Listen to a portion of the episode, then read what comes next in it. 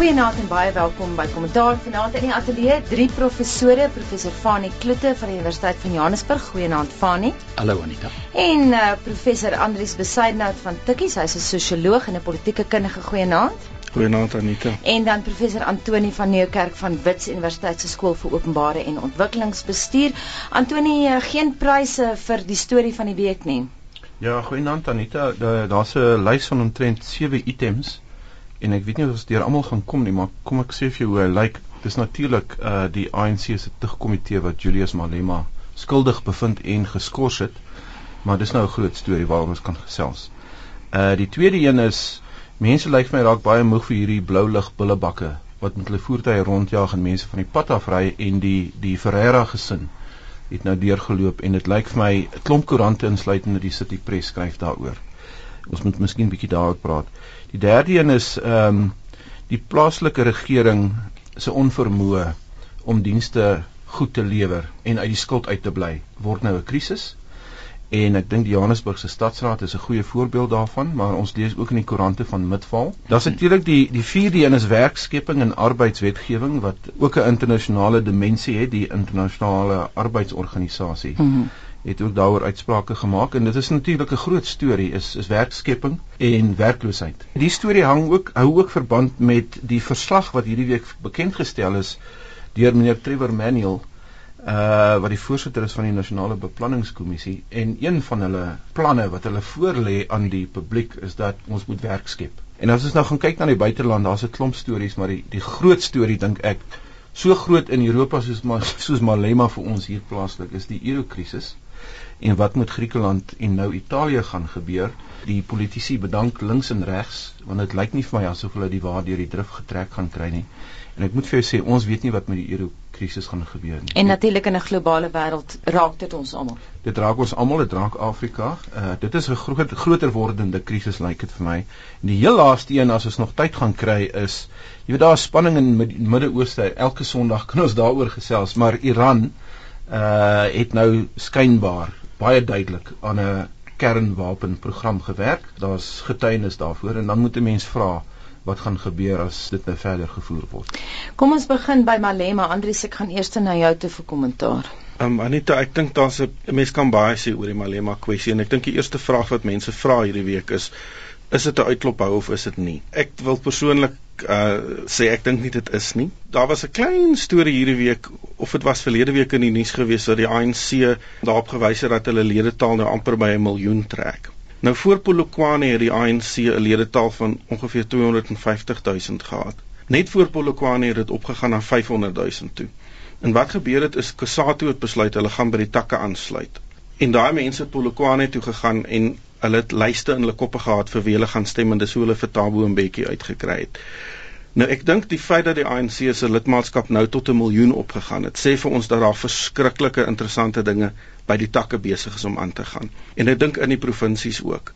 So ek dink ons moet ons regmaak vir 'n baie baie baie interessante um, kongres vir die ANC volgende jaar in die Vrystaat. En ek sien vandag sê die Sunday Independent vra die vraag of Julius Malema die nuwe Jacob Zuma is mm -hmm. en of daar 'n soortgelyke tipe van 'n oorname in die ANC gaan plaasvind. Die bokshandskoene is nou af, dis nou kaalvuis. Kan jy daai vraag beantwoord? Ek dink enige iemand wat sou dit probeer beantwoord, moet eerder nie in die openbaar praat nie. Kom ons gaan na Fani toe. Beeld het Vrydag geskryf, dit gaan nie die laaste keer wees wat ons van Malema hoor nie, 'n siening wat City Press vandag deel. Hoe voel jy? Ek stem grootliks saam daarmee Anita. Uh en ek uh, dink ek moet uh, so 'n bietjie debat voer met my kollega Piet Kroukamp hier by by UJ wat in vanoggend se koerant meen dat uh, dis nou die finale einde van van uh, Julius. En ek dink dit is 'n interessante debat wat ons kan voer uh, onder mekaar want ek is geneig om meer met uh, Andri saam te stem hier. Dit gaan nie net oor oor Malema hier nie.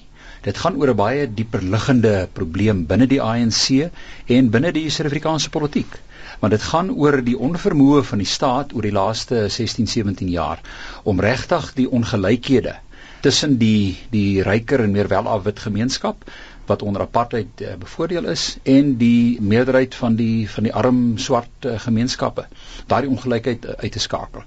En Malema as 'n charismatiese leier het na vore getree as die woordvoerder vir die armes en vir die vir die jonger mense wat ook sukkel om werk te kry in in 'n verswakkende ekonomie en uh, om daardie rede en 'n klompie ander redes waaroor ons miskien nie tyd het om oor te gesels nie dink ek nie dis die einde van Malema nie want hy verteenwoordig soos Andrius ook op gesin speel het hy verteenwoordig belange en griewe wat groter word en in 'n situasie waar Zuma 'n swak leier is en al meer en meer blyk dat hy nie in staat is om die goed te doen nie soek die jonger mense na 'n meer effektiewe leier. Maar weet ons hoeveel steun hy het? Ons weet nou Piet sê dat sy steunbasis is te klein vir hom om langer 'n faktor in die politiek te wees. Interessante storie wat Monitor die week gedra het. Duisende inwoners van Seshego in Limpopo het 'n uh, eh, fees gevier toe hulle hoor hy's uit. Hoeveel steun dink jy het hy? Dis baie moeilik om te sê of hy steun hy op grondvlak het, maar onthou net dit is nie net die grondvlak steun wat hier tel nie. Hy word ondersteun deur mense in die nasionale uitvoerende komitee soos Tokyo Sekwale en soos Matthew Sposa. En ek is oortuig daarvan dat daar ander meer invloedryke leiers is wat nie op hierdie stadium bereid is om hulle koppe uit te steek nie. Dit wys op 'n op 'n groter wordende splitsing binne die establishment van die ANC en dit dit dink ek is waar waarop ons moet fokus vir die toekoms. Andries, daar's 'n baie interessante brokkie in die Sunday Independent vandag waar een van die joernaliste skryf oor 'n fotosessie by die nasionale uitvoerende komitee. En lede van die nasionale uitvoerende komitee het 'n liedjie gesing wat basies sê ons kry swaar onder Mantas. Red ons van hierdie swaar kry. Wie inkom daar Antonie? Ja, ek het nie Piet Kroukamp se artikel gelees nie, maar ek stem met hom saam. So ek verskil nou van my kollegas in die ateljee. Hoekom verskil jy? Kyk, ons praat oor die vraag wat uh wat heel eerste gevra is, was dit nou uitklop hou? Het die ANC nou ontslaag geraak van Julius Malema. En jy dink dit is? Ek dink so daaroor, daar's twee goed. Daar's Julius die persoon in sy charisma en sy sy individuele sakebelange en die mense wat hy rondom hom saamgetrek het binne in die jeugliga. Ek dink daar's die uitklophou geplant. Ek kan nie sien dat hy gaan uh, dit oorleef nie. Dan is daar die ander deel waaroor Fanie gepraat het en dit is wat Julius Malema verteenwoordig en waarvoor hy staan. Daai goeders gaan nie weggaan nie. Dit gaan met ons bly. Maar ek verskil met mense wat sê dat Julius is die man wat hierdie goeders op die taal, hy is die agenda bepaler. Dis nie waar nie. Die kwessie van armoede en werkloosheid wat ons moet oorkom, is op die agenda van dag 1 af. Dit is die ANC se grootste nagmerrie en dit is die land se hoop as ons hierdie ding kan aanspreek. Die nasionale beplanningskommissie sê juis in hulle verslag, dit is die kwessie wat ons moet aanspreek. Ons het nie Julius Malema nodig om hierdie boodskap te hoor nie sy dae is getel. Hy het met groot vanvare die ding soort van verder hoër op die agenda geplaas. Uh maar hy het 'n groot gemors gemaak dink ek van sy eie politiek. Om nie te noem sy eie sakebelange wat nou verder ondersoek word nie. As hy nou 'n uitklop hou gegee is en hy het nou hier teen die toue gelê, dan lê nou teen die toue, dan gaan die mense wat hom verder ondersoek, die kriminele sy van die saak. Mm. En SARS en SARS om verder op die vloer laat lê. Ons gaan tel tot 10 en hy gaan net terug weer opstaan. Kom ons gee vir Fanie gou kans om 'n repliek te lewer. Anita, ek dink nie dat uh, Julius in die toekoms werklik 'n wesenlike gevaar vir ons gaan wees polities en dat uh, sy sy eie ambisies om om om op die ou end soos um, Nelson Mandela president te word dat dit regtig in 'n wesenlike gevaar inhou vir die ANC nie. Maar ek wil terugkom na na wat ek gesê het oor die soeke na 'n sterk leier binne die Afrika gemeenskap is 'n sterk leier wat standpunt inneem wat nie bang is om sy saak te stel nie is baie belangrik. Soos soos trouens in enige ander kultuur maar ook by ons in in die die ou nasionale partye ons het gesien. En die soeke na 'n sterk leier beteken dat uh, Malema se kanse om om in die toekoms nie van binne in die ANC nie, maar ook van buitekant af weer 'n rol te te te speel of of voort te gaan om 'n rol te speel. Is baie goed en as mens kyk na die steun wat uh, wat sy eie kollegas binne die ANC se jeugvleuel nou vir hom gee en hoe dat hulle openlik in opstand kom teen die establishment in die ANC, dan is dit 'n baie uh, die Engelse sê volatile Dit is 'n baie gevaarlike situasie vir die ANC wat op die ou end uh, tot verdere splitsing kan lei. Wat gaan nou gebeur? Hoe gaan hierdie saak om op die lang termyn in die aanloop tot Mangaung uitspeel? Ek dink ons mense moet kyk wat in die provinsies gaan gebeur. Ehm um, dis op die oomblik kan 'n mens sien hoe mense in die provinsies beweeg en in die kongresse wat daar gebeur in aanloop tot die kongres in in in die Vrystaat gaan dit vir mense aanduiding gee. Ek dink Malema se kamp gaan nie KwaZulu-Natal kan vat nie, die Oos-Kaap hoop hulle kan hulle verdeel. Maar in die ander van die ander provinsies staan hulle redelik sterk.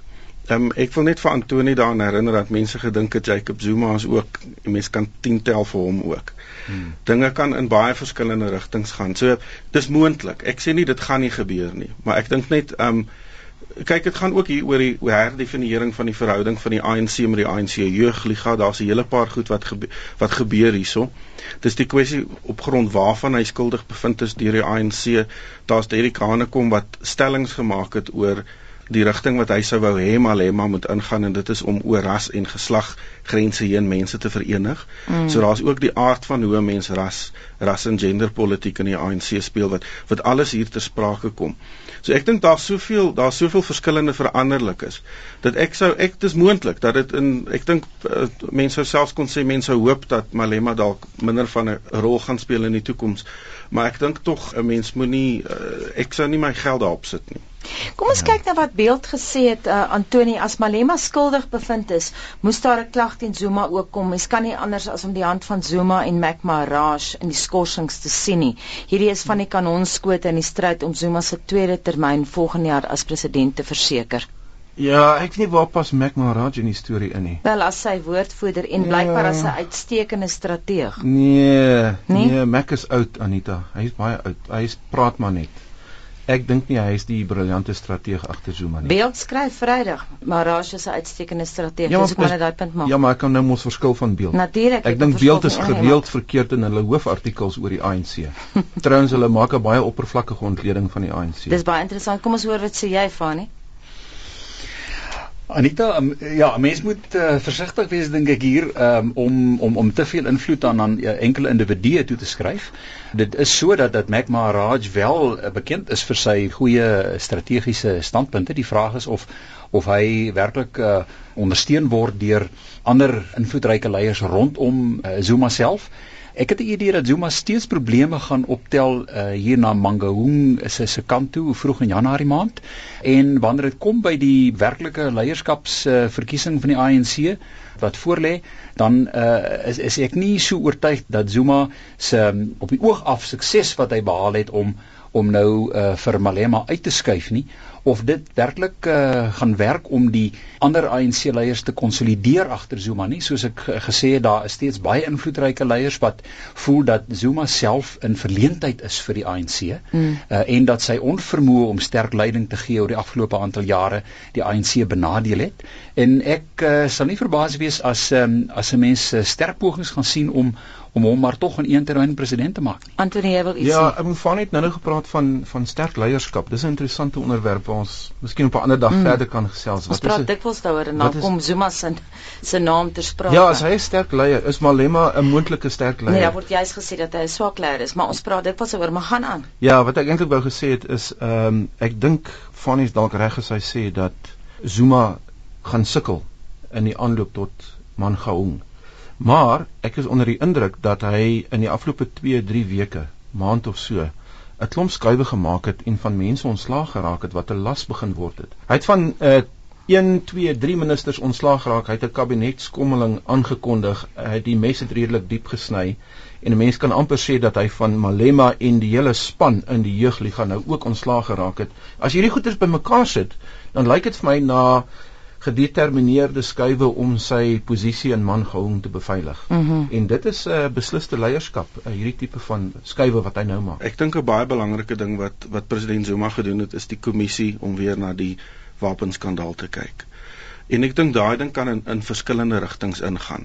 Ek dink almal was verstom daaroor en dit is baie interessant dat hy gedoen het. Ek dink dit is ook 'n 'n faktor wat sy verhouding met die ANC gaan beïnvloed en wat 'n impak in in in Mangaung gaan hê op op, en, en, op, op hoe dinge loop. En dan daar's 'n ander uh, kommissie wat hy ook aangekondig het, die skandaal rondom geld vir olie wat met Iran hmm, Irak ja. verband hou. Daar's 2 of 3 ANC swaargewigte wat betrokke was daarbey en dit is dis moontlike uitdagers vir Zuma in Mangaung, ja. Tokyo Sektuale en en, en Galima Motlanthe is mm. Galima Motlanthe. Dis reg. Ja. En Bekkie en so aan en so. Ja. Nie dat Bekkie gaan terugkom nie. Kom ons gaan net terug na die Malema storie vir oomblik. Voordat ons op die lig gegaan het, het ehm um, Fanie vir my gesê hy dink is interessant dat die Citizen verwys het uh, die week na die feit dat Moody se afgradering van Suid-Afrika gekoppel kan word aan Malema se uitsprake vir nasionalisering. Nou gister Fanie het ons ook gesien in Benoni dat 53 lede van die uitvoerende komitee van die Nasionale Jeugliga het weer eens gesê dat hulle steun sy oproepe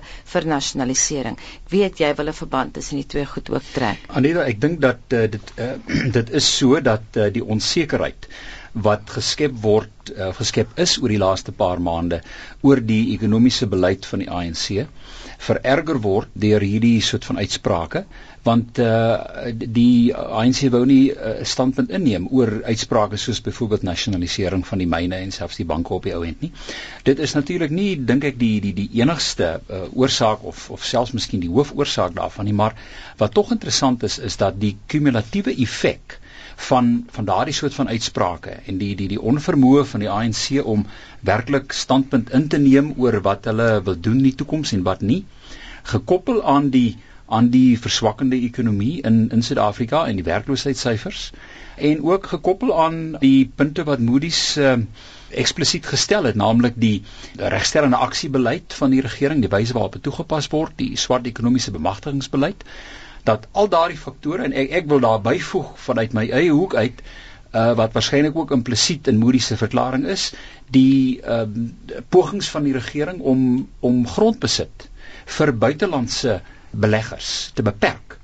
Daardie kumulatiewe effek skep 'n onsekerheid by buitelandse beleggers sowel as groot Suid-Afrikaanse ondernemings wat nie weet watter kant toe die regering se ekonomiese beleid gaan nie. Ek dink eh, wat uh wat 'n mens dalk ook moet noem is die feit dat in die in die mediumtermyn begroting het uh, ons minister van finansies Pravin Gordhan ons tot meer staatsbesteding verbind en om dit te kan doen gaan ons geld leen. So ek dink dit is die direkte um die direkte faktor wat gelei het tot Moody's se waarskuwing van 'n afgradering. Ek dink daar is bydraende faktore en beslis uh, Malema se kwessies rondom nasionalisering is deel daarvan. Maar ek dink die belangrikste kwessie is die feit dat ehm um, dit wil lyk asof die regering die regering gaan bietjie meer leen om ons ehm um, met die hoop dat 'n mens jouself uit 'n krisis kan uitspandeer. Net laasens kom sê nog een ding oor Malema, dan moet ons aanbeweeg. Die staat het 'n interessante invalshoek daaroor gehad hierdie week Antoni. Ja, dit is interessant. Hulle hulle sê uh, hulle hoop dat Malema appel aanteken teen die besluit om hom te skors. Ek moet sê die die koerante vandag is vol van wat op die oomblik nou gebeur mm. en wie gaan met wie beklei en wat is die kanse dat so appel gaan slaag.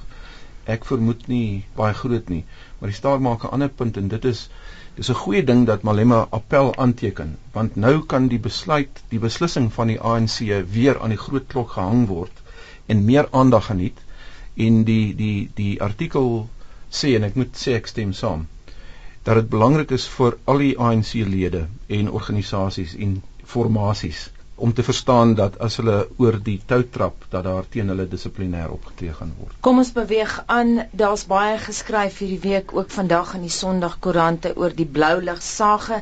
Die Ferreira gesin het gister hulle stilte verbreek en gesê dis tyd dat hierdie blou lig boelies gestop word want die impak daarvan het natuurlik hulle lewens onderste bo gekeer. Thomas Ferreira sit dalk met breinskade. Kom ons gaan na jou toe Andries vir kommentaar. Dis uh, ook interessant om miskien net te verwys dat hoofartikels in verskeie koerante oor die blou lig polisie het hierdie week die lig gesien. Anita, ek wil 'n sosiologiese punt hier maak. Mm. Dis nou my opleiding as sosioloog en ek ek wil eintlik die kwessie half koppel aan Floyd Shivambu. Dis baie interessant dat Floyd Shivambu is geskort deels omdat hy op 'n joernalis gevloek het um hy was ongeskik geweest.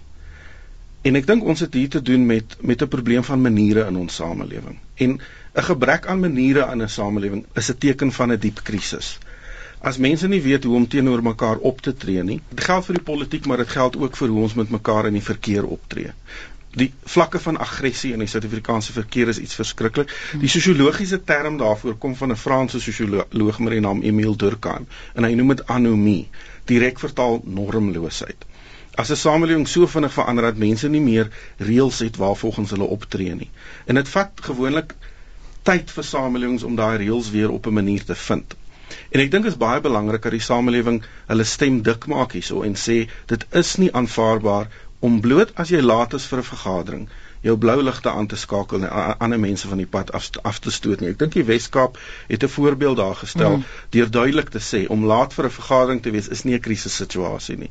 Mense kan verstaan as staatsleiers as daar 'n krisis is, vinnig moet ry. Maar as dit die norm word dat 'n mens ander mense van die pad afstoot, dan is 'n mens besig om 'n 'n tipe grondreëls vir die samelewing daar te stel wat diep diep ongesond is. Maar nou ook baie gevaarlike Antoni die DA se woordvoerder oor gemeenskapsveiligheid en Gauteng Kate Ladimer het gesê die wet bepaal dat BBP's in noodgevalle die blou lig uh, hulle blou ligte kan gebruik, maar daar blyk nie konsensus te wees oor wat 'n noodgeval is nie. Ja. Nee, Andries is heeltemal reg. Dis dis ek is bly dat hierdie woord vir ons verduidelik aan ja, die. Ja, gee weer anomie dis dis Frans en is dis hmm. normloosheid basies. Ja, ja, ja, norm of ons het nou 'n norm gestel en dit is dat daar geen norme is waarna ons gaan hou nie. Maar wat gaan nou moet, gebeur? Wel, ek moet vir jou sê daar's 'n klomp onbeantwoorde vrae rondom hierdie spesifieke geval waar die die seun Thomas Ferreira Thomas Ferreira van sy motorfiets afgery is. Daar's so met ander woorde, die ding moet eers opgeklaar word. So daar's onmiddellike probleem en dan 'n langer termyn probleem hmm. met maniere. Die onmiddellike dis baie as mense luister na die ooggetuies en so aan. Dis problematies. Die die man die die MEC wat agter in die voertuig gesit het. Het hy agter in die voertuig gesit? Niemand kon kan nou eintlik sê nie. Het sy veiligheidskontingent om onmiddellik verwyder na na die insident. Hoekom het hy nie uh, bystand verleen nie? Uh hierdie bestuurder is blykbaar bekend in die omgewing dat hy vroeg en laat deur rooi ligte ry en so aan. So daar's 'n klomp ander goeters lyk like dit vir my en en die politici sal moet verduidelik. En dan vra beeld die vraag, die LER hulle verwys nou na Mamesi, hy word op 'n Saterdag uitgeroep vir 'n dringende vergadering. Ja, daar ja, word ook vrae oor gevra. Ja, ja. So die lange termyn ding is kan ek gou 'n storie vertel, baie vinnig. Mm. Ek was nou hierdie week in in Zimbabwe vir 'n seminar. Op pad terug na die lughawe toe ry die taxi bestuurder met my in die kar van die pad in die sypaadjie in die bosse in. En ek dog die ou word mal of hy kry 'n hartaanval. Hy sien al om die hoek kom Robert Mugabe en sy konvooi van 10 voertuie aangejaag. En dan net wat hy gedoen het is nie net hy wat dit gedoen het nie. Almal op daai stukkie pad, nog voor die konvooi om die draai kom, ry in die bosse in, letterlik van die pad af in die bosse in. En ek sê na die tyd vir die ou, my mond hang oop. Hier jaag 10 van hierdie goed verby teen 'n geweldige spoed.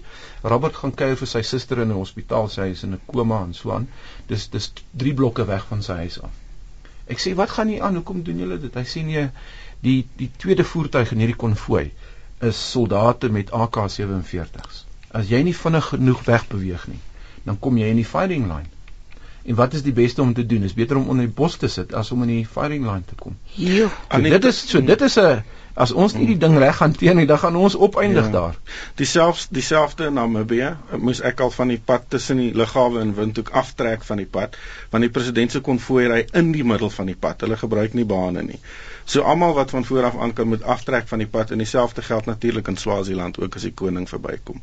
Hoe kleiner die land, hoe groter die blou ligte. Ons het nou gepraat vanuit 'n sosiologiese oogpunt, maar vanuit 'n politieke oogpunt, uh, Fanny, wil jy kommentaar lewer? Anita, uh, vanuit 'n politieke hoek uit gaan dit oor die oor die die, die interaksie tussen die regering en die en en die samelewing. Dit, dit gaan oor vertroue. Mense verloor vertroue in hulle leiers as rolmodelle indien hulle hulle leiers voortgaan met optredes wat nie gestaaf word uh, deur die retoriek wat hulle in 'n toesprake verduidelik nie. Jy weet soos en ek is nou jammer, maar ek ek kom net maar terug na na Zuma toe.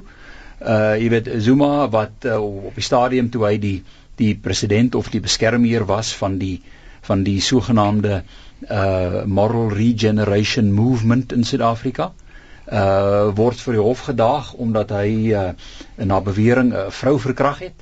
Dit is die soort van gaping tussen standpunt en optrede wat wat duidelik wys dat dat dat uh, mense nie nie nie glo in wat hulle doen nie. Hulle hulle stel reëls vir ander mense maar hulle hou nie self daarbey nie. En dit veroorsaak uh, in in politieke gebrek aan vertroue. Mense kan dit verder voer. Jy, jy kan kyk na die die die nie toepassing van van ons verkeersreëls.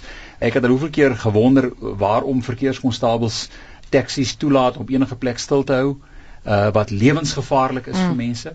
Dit is 'n ander voorbeeld van pad uh, gebruik voorskrifte wat nie toegepas word nie. So ja, ek stem saam. Ek dink daar is 'n probleem met met waardes en met norme en die toepassing van beleid. En ehm um, as die regering nie gaan slaag daaraan om die beleid wat hulle neerlê wel toe te pas en en af te dwing waar nodig nie, uh, dan gaan ons toenemend verval in hierdie normloosheid waarvan Andri spraak. Kom ons uh, gaan na twee ander aspekte wat uh, aandag gekry het hierdie week. Die eerste ding uh, president Zuma het gepraat van die verslapping van arbeidswetgewing en hy het ook 'n uh, paar goed te sê gehad oor werkskepping en dit moet natuurlik binne 'n internasionale konteks gelees word Andries. Ja, soos vroeër genoem Anita, die Ar uh, internasionale arbeidsorganisasie gesê dat werkloosheid wêreldwyd neem toe. Um daar het iets baie interessants in Amerika gebeur. En ek dink almal almal niemand kan regtig sê wat 'n mens moet doen op die oomblik nie. Daar's 'n by Harvard is daar 'n hele klas wat uit 'n ekonomiese klas uitgeloop het. In protes teen die feit dat die ekonom net een skool van denke in die klas gee. Nou die ekonom was 'n raadgewer vir vir George Bush, so dit sê vir mense min of meer waar die denke van die ekonom vandaan kom. Maar dit lyk vir my die Occupy Wall Street beweging, die feit dat mense in die FSA 'n hawe beset, daar's besig om woelinge plaas te vind. En 'n groot deel van daai woelinge gaan daaroor dat ekonomie bly blyk nie 'n baie refleksiewe dissipline te wees nie. Ek bedoel daarmee dat baie keer is ekonome te seker van hulle saak. Mhm. Mm en ek dink daai onsekerheid, um sien 'n mens ook in ons regering. Niemand weet regtig waarheen om te gaan nie en ek het ek het op 'n manier nogal simpatie met hulle. So as president Zuma gesê het ons gaan 5 miljoen werksgeleenthede skep en nou gaan die hele wêreldekonomie in 'n krisis en moet 'n mens tot 'n mate simpatie hê met hom as hy dan sê maar ons gaan dit nou nie meer kan doen nie. Mm -hmm. Ek dink is baie interessant om te kyk na die verskillende um beleidsrigtinge in die regering en ek dink Antoni gaan dalk praat bietjie oor die nasionale beplanningskommissie want daar's daar's woelinge daarso en en meer duidelikheid wat daar uitkom. Maar ek dink wat 'n mens hy het uh, die president het gepraat by Fedusa, een van die groot vakbondfederasies se kongres en hy het genoem dat die kabinet nou klaar is met uh die wet op basiese diensvoorwaardes en die um die arbeidswet op arbeidsverhoudinge en wat ek dink net wat belangrik is is om om om in ag te neem is dat daar volg nou 'n proses. Hierdie voorstelle van die regering gaan na Nedlek toe, die Nasionale Ekonomiese Arbeids- en Ontwikkelingsraad waar die vakbonde, die besigheidsmense en die regering saam gaan oorleg pleeg daaroor. Netlek het 'n nuwe direkteur se naam is Alistair Smith, 'n baie interessante man, 'n hmm. baie dinamies en hy het gesê hy wil hê Netlek moet nou hierdie arbeidswetgewing ding afhandel. So ek dink dit gaan in die nuus wees. As dit nou rugbaar word wat die veranderinge is, gaan dit dan in Netlek bespreek word en eers dan gaan dit na die parlement toe. So ek dink ons moet ons ons moet hierdie storie dophou en daar's natuurlik 'n sterk argument dat die arbeidswetgewing te rigied is. Ehm mm um, 'n mens moet dan sê watter aspekte daarvan is. En daar's na, natuurlik ook 'n kwessie van arbeidsmakelaars waaroor Kusato praat. So interessante kwessie, maar ehm um, ek dink nie die ek het die president se toespraak gaan lees wat hy by Fedusa se kongres gelewer het en hy's dit is baie onduidelik nog wat hy bedoel en ek dink voor Mangaung gaan hulle nie met groot stappe kom om Kusato te ontstel nie. Antoni, wil jy gou-gou uh, inkom daar en dan gaan ons na Fani toe. Ja, Anita, die die nasionale beplanningskommissie se verslag moet ek uh, in die eerste plek sê is omtrent 400 en iets bladsye lank, so dit klink soos Fanie se teses wat hy gaan merk hierdie naweek. ek wil jy, Ja, of, ja, dis reg. So dis omtrent 'n doktorale verhandeling wat hy moet bestudeer. Maar daar's een of twee indrukke. Die eerste een is kortliks. Dis 'n reflektiewe verslag. En ek hou van ek moet sê die die kommissarisse van die kommissie is maar mense soos ons, jy weet. Ons ken heelwat van hulle en so aan. Dis akademici eintlik. En ek wonder of hulle styl van ontleding en verslag doen vir die politici aantreklik gaan lees. Die verslag is krities oor die ANC se mislukkings. Ons het nie genoeg, die ANC het nie genoeg werk geskep nie. Die normloosheid pla hulle. Daar's nie sosiale kohesie in die samelewing nie. Uh, en hulle sê as daar nie 'n uh, radikale ingryp gaan plaasvind oor die volgende paar jaar in terme van die regte beleidskeuses nie, mm. dan gaan ons verder misluk. Dis 'n ongelooflike ding en iemand skryf in die koerante oor die naweek as die verslag nie polities deur Zuma en die kabinet aanvaar gaan word nie, dan gaan dit maar net die gevaar loop om weer 'n groot think tank, 'n tipe van 'n NGO verslag te wees. Hmm, Kos gee vir Fanie kans. Anita, uh, ja, dit is my interessant uh dat dit nou die tweede of die derde keer is dat ehm um, uh, minister Trevor Emmanuel op 'n baie subtiele manier 'n klomp baie kritiese goed sê en en en oordra aan aan die regering. Dit is vir my 'n verdere aanduiding van die ideologiese verskille wat daar bestaan op die top uh vlak van die ANC op hierdie stadium en uh meneer Manuel die die die speel 'n baie baie interessante rol hierso. Hy loop 'n baie dun draadjie omdat hy graag dink ek vanuit sy eie persoonlike hoek uit wil wys op die foute wat die nuwe Zuma regering maak, maar uh, dit is vir hom moeilik om dit te doen om sy legitimiteit te behou. En ek dink dit is waar uh, waar ek nou wil aansluit by by Antoni ook. Ek dink deel van die probleem met die met die inhoud van daardie verslag op die oomblik is dat dit is so gestel dat dit implisiet duidelik is dat daar 'n probleem is. Dis probleemidentifisering. Daar is nie baie sterk probleemoplossing konkrete probleemoplossing in daardie verslag nie. Dit is waar uh die die beplanningskommissie 'n uh, bietjie meer huiswerk moet doen en meer konkrete strategieë moet voorstel vir die regering wat om te doen. Die dilemma daarmee is dat dit bitter moeilik is om die ekonomiese agterstande tussen die ryk en die armer gemeenskappe wat die kernprobleem om armoedeverligting te verkry in Suid-Afrika is. Uh, en om om om dit te doen moet daar baie harde besluite geneem word deur die regering en ek is nie oortuig daarvan op hierdie stadium voor so 'n belangrike beleidsmakende kongres soos wat uh, Antoni gesê het dat uh, die Zuma regering gereed is om om sulke voorstelle te aanvaar nie. So ons gaan nou 'n bietjie watertrap sien dink ek totdat uh, hierdie beleidsmakende kongresse en die nuwe leierskap aangewys is dan sal ons waarskynlik sien watter rigting dit gaan loop. Mm, ek sien Andrius het nou vervaard notas gemaak. Jy wil inkom hier so Andrius. Nee nee, ek ek ek stem heeltemal saam, maar daar is daar is ehm um, daar's 'n deel van van wat die beplanningskommissie sê wat ek van hou. En die een is dat hulle hulle stel teikens en langtermyn teikens en hulle gebruik die Gini koëffisiënt om soos om ekonomiese ongelykheid in Suid-Afrika te meet. Hulle sê ons moet dit verminder van 0.7 tot 0.6. Nou 0.7 is van die hoogste. Ons is van die mees ongelyke lande in die wêreld. So 0.6 maak ons nie 'n sosiale demokrasie of so iets nie, maar ek dink is 'n haalbare teiken. Dit is beter as om te sê 5 miljoen werksgeleenthede wat ons almal weet heeltemal onmoontlik is. Ek dink twee ander kwessies wat hulle aanspreek, een is onderwys en onderwys spesifiek wat in township skole gebeur as 'n meting vir ons sukses en ek dink dit is baie belangrik want 'n antwoord wat mense op die op onderwys op die oomblik het is om te privatiseer en om hulle kinders na model C skole toe te stuur. So die grootste gros van die jeug gaan gaan steeds na township en landelike skole toe wat regtig nie kwaliteit onderwys bied nie. En 'n verdere baie netelige kwessie wat hulle sterk aanspreek, is die verhouding tussen partye en staat en die hele ding van makkerontplooiing en ek dink dit is goed dat daai kwessie vanuit 'n legitieme forum af aangespreek word en hopelik kan dit 'n gesprek in die ANC oopmaak daaroor en dalk dit in die regte rigting stuur. Ek wil ook net noem dat ons het in Suid-Afrika, ek het nou vroeër net lekker genoem, die nasionale ekonomiese arbeids en, en ontwikkelingsraad en ek dink dit is tyd dat 'n mens hierdie organisasie weer ernstig opneem. Daar's hmm. min lande in die wêreld wat so 'n so 'n tipe van 'n organisasie het waar mens sosiale konsensus kan bereik oor wat ons met die ekonomie moet doen. Ek dink ons het hierdie beleidsformuleringsliggaam het ons nog altyd net gemarginaliseer en ek dink dit sal dalk goed wees as die beplanningskommissie se se verslag ook daar dien en dat dit as 'n tipe van 'n riglyn gebruik word om ekonomiese beplanning te doen. Miskien 'n vinnige laaste woord aan Fani. Jy kom nou net uit Amerika uit. Uh, interessant wat Andries gesê het oor die woelinge daar. 'n Kort laaste woord aan jou. Hoe het jy dit ervaar? Anita, dit is dis waar. Ehm um, daar is 'n 'n opwelling van emosie onder die die bevolking Dit is natuurlik op hierdie stadium maar meerendeels aktivistiese groepe en belangegroepe wat rondom hulle eie bepaalde vraagstukke uh mobiliseer. Daar is nie duidelikheid uh, oor presies wat die gruwe altyd is nie. Uh byvoorbeeld hierdie hierdie Occupy Wall Street beweging mm. het geen eenvormige doelwit wat hulle wil streef na nie. Dis bloot 'n platform om uiting te gee aan 'n ondierigheid wat begin toeneem. Dis natuurlik as gevolg van die ekonomie, uh, maar ons kan verwag dat dat hierdie goed binne die volgende jaar belangriker gaan word en die kandidaate vir die presidentskap se moet aandag gee daaraan as hulle verkies word. En op daardie somber noot eindig ons vanaand se kommentaar die laaste woord daaraan professor Fanie Kloete van die Universiteit van Johannesburg. Baie dankie Fanie. Dankie en totsiens. Ek kon nou nie nog uh, tyd gekry het om vir jou nog 'n woord te gee nie Antoni van Nieuwkerk, maar baie dankie dat jy uh, ingekom het om kom saamgesels. Dis 'n plesier Anita Visser. Goeienaand. en baie dankie aan uh, professor Andrius Besuinout van Tikkies. Baie dankie vir jou insette. Dankie Anita en goeienaand aan die luisteraars.